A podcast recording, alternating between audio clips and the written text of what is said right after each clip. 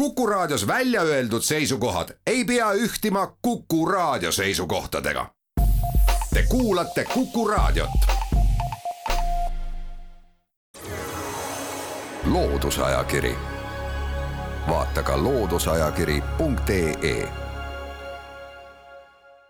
tere kõigile teile, head Kuku raadio kuulajad, täna on saates külas ajaloolane Ago Pajur, tervist! tervist! mina olen saatejuht Tiia Rööp. Ajakirja Horisont märtsi-aprilli numbris on teil artikkel kaheteistkümnes märts. artikli pealkirjas ei ole aastaarvu. kas meie ajaloolastele ja ajaloohuvilistele, kui omavahel tuleb jutuks kaheteistkümnes märts, kas see on selline kuupäev meie ajaloost, mille puhul ei tule lisada aastaarvu, on selge, millest jutt on? Põhimõtteliselt vist võiks olla küll, ehkki kui nüüd mu mälu ei peta, siis kaheteistkümnes märts oli vist ka see kuupäev, kus äh, alles hiljaaegu Vabariigi Valitsus kuulutas välja eriolukorra, siis kui meil esimene koroonalaine saabus. aga noh, vaevalt, et see nüüd ajaloo annaalidesse nii sügavat jälge jätab, nagu Pätsi Laidoneri riigipööre kolmekümne neljandal aastal, nii et vähemasti ajaloolaste jaoks päris kindlasti ja ma usun, et ka Eesti lähiajaloo huviliste jaoks ei tohiks tekkida mingisuguseid probleeme, kui rääkida lihtsalt kaheteistkümnendast märtsist ja aasta arvu ei lisata.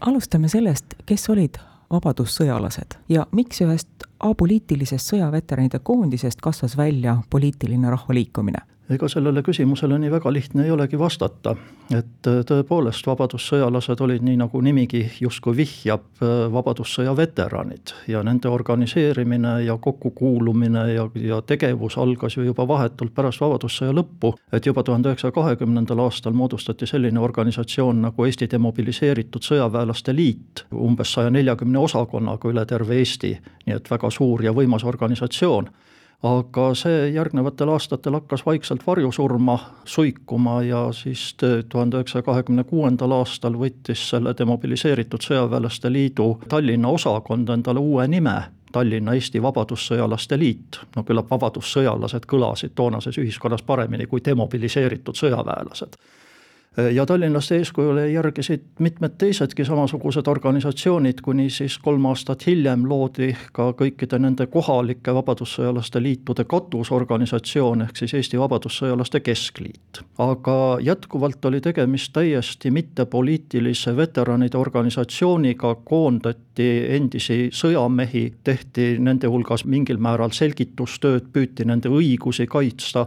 ehkki tuleb öelda, et ega kolmekümnendaks aastaks ei olnud nende õigustega enam erilisi probleeme, et neid oli võib-olla tarvis kaitsta kahekümnendate aastate alguses, vahetult pärast Vabadussõja lõppu. ja tõuke nüüd veterani liikumise muutumiseks poliitiliseks liikumiseks, selle andis kahtlemata äh, majanduskriis, ülemaailmne majanduskriis või see niinimetatud suur depressioon, mis sai alguse Ameerika Ühendriikidest kahekümne üheksanda aasta sügisel ja jõudis umbes aasta hiljem ka Eestisse tegemist oli tõepoolest väga ränga kriisiga, tuhanded pankrotistunud kaubandus-tööstusettevõtted, käsitöökojad, oksjonid maal, taludes, töötuse plahvatuslik kasv, palkade langus, elukvaliteedi halvenemine nii et äh, nii sügavas kriisis oli ilmselt täiesti paratamatu, et rahvas hakkas järgi vaatama ja otsima, kes on süüdi. eile elasime hästi, täna elame juba halvasti ja paistab, et homme hakkame elama veel halvemini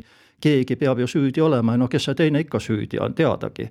valitsus, parlament, erakonnad, poliitikud. nii et äh, sealt sai kogu see ühiskonna suhtumise halvenemine Eesti riiklusesse alguse esialgu võib-olla ei võtnudki vabadussõjalased nii väga vedu, aga nende teisel kongressil, tuhande üheksasaja kolmekümne esimese aasta kevadel, peeti sellel kongressil kaks kõnet, mis said justkui otsustavaks poliitikasse minekul.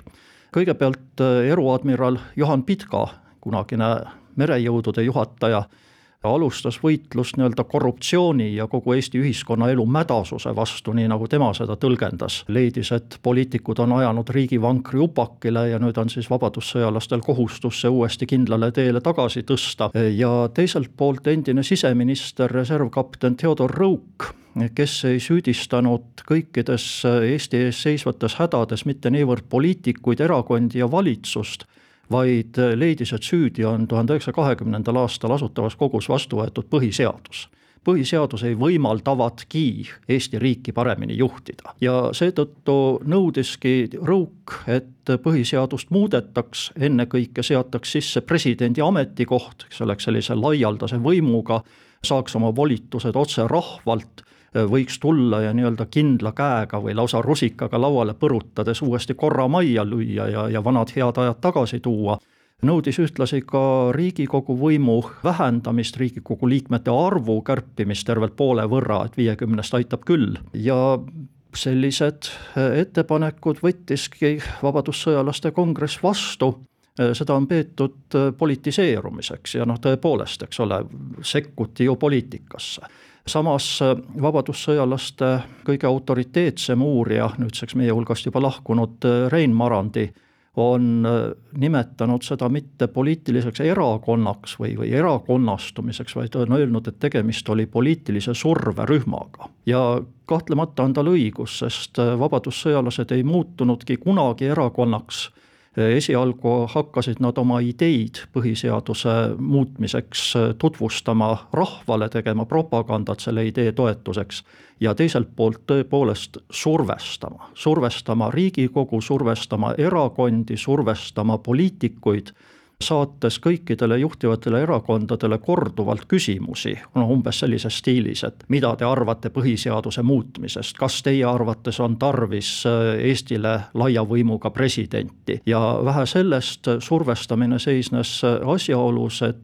Äh, anti ka teatud tähtajad. juhul, kui kolme kuu jooksul Riigikogu mingeid samme põhiseaduse muutmiseks ei astu, siis jätavad vabadussõjalased endale vabaduse ise seda teha. ja kui see ei ole survestamine, siis ma ei tea, mis, mis on survestamine. ja just nimelt nende otsuste, selle kongressi otsuste läbi muutuski apoliitiline vabadussõjalaste ühendus poliitiliseks liikumiseks. aga selline rahvaliikumine massiline liikumine tuli vabadussõjalaste taha veel aasta hiljem, järgmisel kongressil kus äh, võeti vastu lausa pöördeline otsus, nimelt kui seni oli tegemist tõepoolest Vabadussõja veteranidega, põhimõtteliselt võetigi vastu ainult Vabadussõja veterane, siis äh, nüüd anti käik nii-öelda toetaja liikme staatusele. kuulutati, et vabadussõjalastega võivad ühineda kõik need inimesed, kes ei ole ise kunagi Vabadussõjas käinud kes aga pooldavad Vabadussõjalaste Keskliidu poliitilisi sihte. ja loomulikult toonases olukorras, eks ole, majandus käis kiiresti alla, rahulolematus ühiskonnas kasvas, hakkasidki selle uue liikumisega ühinema just nimelt need rahulolematud kihid, pankrotti läinud ärimehed või oma maast ja talust ilma jäänud talunikud või töötuks jäänud äh, vabrikutöölised, mis oli õige kummaline, sellepärast et töötud olid ju alati läbi aegade olnud nii-öelda kommunistide sihtrühm, aga nüüd läksid nad hoopistükkis vabadussõjalaste leeri üle. ja teisest küljest veel, äh, toetajaliikme staatus tähendas ka seda, et hakkasid liituma noored või noh, need ei pidanudki olema väga noored, ma ei pea silmas gümnasiste või, või üliõpilasi, neid oli ka, aga ennekõike nooremaid inimesi, kes olid jõudnud Eesti poliitilisele maastikule nende jaoks natukene liiga hilja poliitiline maastik oli paika loksunud, erakonnad olid olemas, poliitikud olid olemas, kõik teadsid, kes järgmistel Riigikogu valimistel kandideerivad, kes saavad valitud ja nendele noortele, kes olid nii-öelda hiljaks jäänud, ei jätkunud sellel poliitilisel maastikul enam kohta. ja just nimelt nüüd siis nende kolme kihi baasil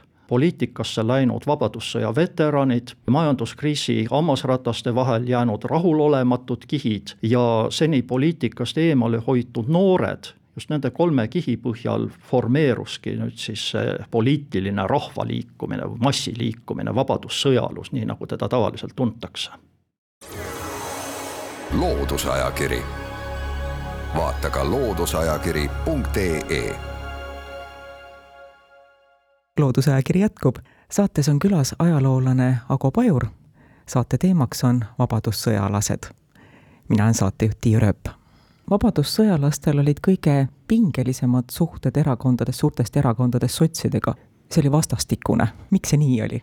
Õigupoolest alustasid vist pigem sotsialistid, kes nägid vabadussõjaluses algusest peale mingisugust äh, autoritaarkorra erivormi või, või võrdlesid ju vabadussõjalasi algusest peale äh, Itaalia fašistidega või veelgi hiljem siis Saksamaa natsionaalsotsialistidega ja ei jätnud korraldamata ka mitmesuguseid provokatsioone, no kõige tuntum lugu oli ju sellel nõndanimetatud äh, Tapa vabadussõjalaste päeval tuhande üheksasaja kolmekümne teise aasta suvel, kui sotsialistid saatsid vabadussõjalaste poolt korraldatud üritust takistama või segama oma niinimetatud võimlemisrühmade liikmed, kes hakkasid seal vahele karjuma ja valedes kohtades plaksutama ja trampima ja, ja vabadussõjalaste välismärgi selle mustvalge käesideme peale sülitama ja seda jalge alla trampima. nii et oli ilmselt üsna paratamatu, et sellele järgneb füüsiline kokkupõrge nii toimuski, sotsialistid said selles kokkupõrkes lüüa, nad olid ju selges vähemuses, pidid taanduma, ega ega nad asja sinnapaika ei jätnud. Et äh, süüdistused muutusid aina teravamaks ja teiselt poolt muidugi ka, ega vabadussõjalased ei teinud erilist vahet sotsialistide, legaalsete sotsialistliku partei ja põrandaaluste kommunistide vahel. Nende silmis olid ühed marksistid puha et äh, selles mõttes ju sarnanesid vabadussõjalased mingil määral Soomes äh, toimunud Labua liikumisega, Labua mehed ju ka küüditasid äh, Vene piiri äärde küll sotsialiste, küll kommuniste, kes aga vasakpoolsetest marksistidest neile kätte jäid, need küüditati, nii ka vabadussõjalased. Ja noh, teadaolevalt ju kolmekümne kolmanda aasta lõpus vabadussõjalased esitasid Riigikogule rahvaalgatuse korras koguni seaduseelnõu marksismivastaseks võitluseks, milles nõudsid muuhulgas ka sotsialistliku partei keelustamist nii et tõepoolest nende suhted olid äh, teravad ja süüdi olid ilmselt mõlemad pooled, et ei saa öelda, et ainult ühed. siiski olid sotsialistid need, kes ähm, viskasid õhku selle mõtte, et vabadussõjalased ähm, kavandavad riigipööret. kas meil on mingeid tõendeid, et plaaniti riigipööret? Ei, absoluutselt mitte mingisuguseid, kõik äh, uurijad on eitanud täielikult, kategooriliselt seda, et vabadussõjalased tegelikult kavandanuks mingisugust riigipööret kolmekümne kolmandal või kolmekümne neljandal aastal. ja selleks ju loogiliselt võttes ei olnud neil ka mitte mingisugust vajadust, vabadussõjalus oli selgelt tõusuteel, nende populaarsus ületas äh, praktiliselt kõiki teisi erakondi vähemalt suuremates linnades. Äh, nii et äh, sellises olukorras hakata vägivaldset riigipööret teostama oleks olnud ju lausa sõgedus, see oleks toonud kaasa ilmselt vabadussõjaluse loojangu või lausa hävingu, eks ole, analoogia põhjal esimesel detsembril kakskümmend neli, kui kommunistid üritasid Eesti riiki kukutada, siis ju pöördus ka rahvas pärast seda kommunistidest äh, väga järsult ära, et küllap oleks täpselt nii juhtunud ka vabadussõjalastega ja eks ju tegelikult see nende hilisem riigipöördekatse või väidetav riigipöördekatse kaheksandal detsembril kolmkümmend viis siis juba vaikiva oleku äh, ajal, eks see näitas ju ka sama, pärast seda ju vabadussõjalus kui massiliikumine hääbus õige kiiresti. nii et ei ole mingit põhjust äh, mis oleks pidanud sundima vabadussõjalasi mõtlema kas või ainult riigipöörde peale kolmekümne kolmandal või kolmekümne neljandal aastal ja süüdistused olid tõepoolest sotsialistidelt äh, sulepeast või, või pliiatsist välja imetud, mis näitab samuti, et midagi tõsisemat ei olnud esialgu ju kaheteistkümnendal märtsil ja vahetult pärast seda nii Päts, Laidoner kui ka kõik teised äh, vastselt võimule tulnud mehed süüdistasidki vabadussõjalasi planeeritud äh, riigipöörde kavatsuses. aga kui kolmekümne viienda aasta suvel jõuti kohtuprotsessini, kolmkümmend üheksa kohtualust vabadussõjalaste juhtivtegelast, siis äh, neid ju ei süüdistatud enam riigipöörde ettevalmistamises. Öeldi, et nad osalesid organisatsioonis, mis võinuks ohtlikuks saada Eesti sisemisele kodurahule tegelikult ju kõik äh, vabadussõjalased marssisid kohtusaalist äh, välja vabade meestena, et nad said tingimisi karistuse. ja sellega asi piirdus kirjutate ajakirjas Horisont, et kaheteistkümnenda märtsi sündmuste järel arreteeriti umbes üheksasada inimest. see on päris suur hulk.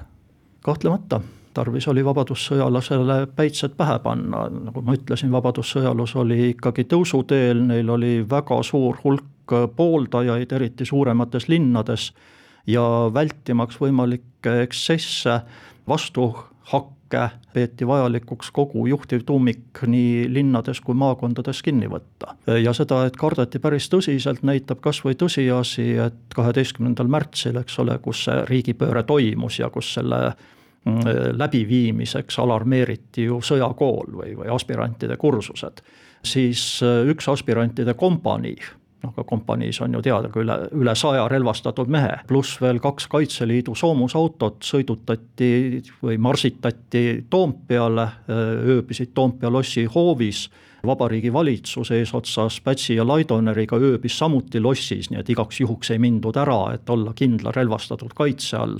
hirm oli suur? hirm oli suur, kahtlemata. kes oli kindral Andres Larka? Andres Larka oli mees, kelle teeneid Eesti Vabariigi ees on tänase päevani selgelt alahinnatud. ma ei tahaks teda nüüd kuidagimoodi ülistama hakata või teda pjedestaalile tõsta kellegi teise asemel, aga see tema alahindamine tulenes ka otseselt sellest, et ta oli Vabadussõjalaste Keskliidu keskjuhatuse esimees sisuliselt vabadussõjalaste liikumise juht, kõrgem juht. Ja seetõttu ka näiteks kolmekümnendate aastate lõpus ilmunud see kaheköiteline Vabadussõja ajalugu, mis ju kuni päris viimase ajani oli meie kõige tõhusamaks ja asjatundlikumaks Vabadussõja käsitluseks üldse ka seal on ju Larkast enam-vähem vaikides mööda mindud. tõsi, on öeldud, et ta oli tuhande üheksasaja kaheksateistkümnenda aasta lõpus Eesti Vabariigi esimene sõjaminister, et ta oli peastaabi ülem, aga mida ta peastaabi ülemana tegi ja, ja mille, milline tema roll oli Vabadussõja algusjärgus, sellest on, ütleme siis häbelikult vaikitud. aga see roll oli päris suur, sest teame ju, eks ole, et äh, Laidoner jõudis äh, Eestisse alles detsembri keskpaigas ja kuni selle aja ajani oli kogu sõjaväe juhtimine. noh, Larka ei kandnud küll ülemjuhataja tiitlit, nagu Laidoner hiljem, aga sisuliselt kogu riigikaitse ja sõjaväe juhtimine oli just nimelt Larka õlul. muidugi võib teha etteheiteid, et novembris kaheksateist tehtud otsused ei olnud alati kõige otstarbekamad, see on meie tagantjärele tarkus aga me ei saa kunagi teada, kas Laidoner või mõni kolmas kindral Larka asemel oleks tollal otsustanud kuidagi teisiti või, või teinud midagi paremini või vastupidi, teinud midagi halvemini. Igal juhul on fakt, et e, ilma Larkata võinuks Vabadussõja algus e, kujuneda hoopis keerukamaks ja Eesti jaoks hoopis valulikumaks, kui ta tegelikult kujunes. aitäh, Ago Pajur, saatesse külla tulemast. kes soovib detailide rohket ülevaadet tuhande üheksasaja kolmekümne neljanda aasta kaheteistkümnenda märtsi sündmustest soovitame saatekülalise artiklit ajakirja Horisont märtsi aprilli numbris. head nädalalõppu ja jälle kuulmiseni! loodusajakiri, vaata ka looduseajakiri.ee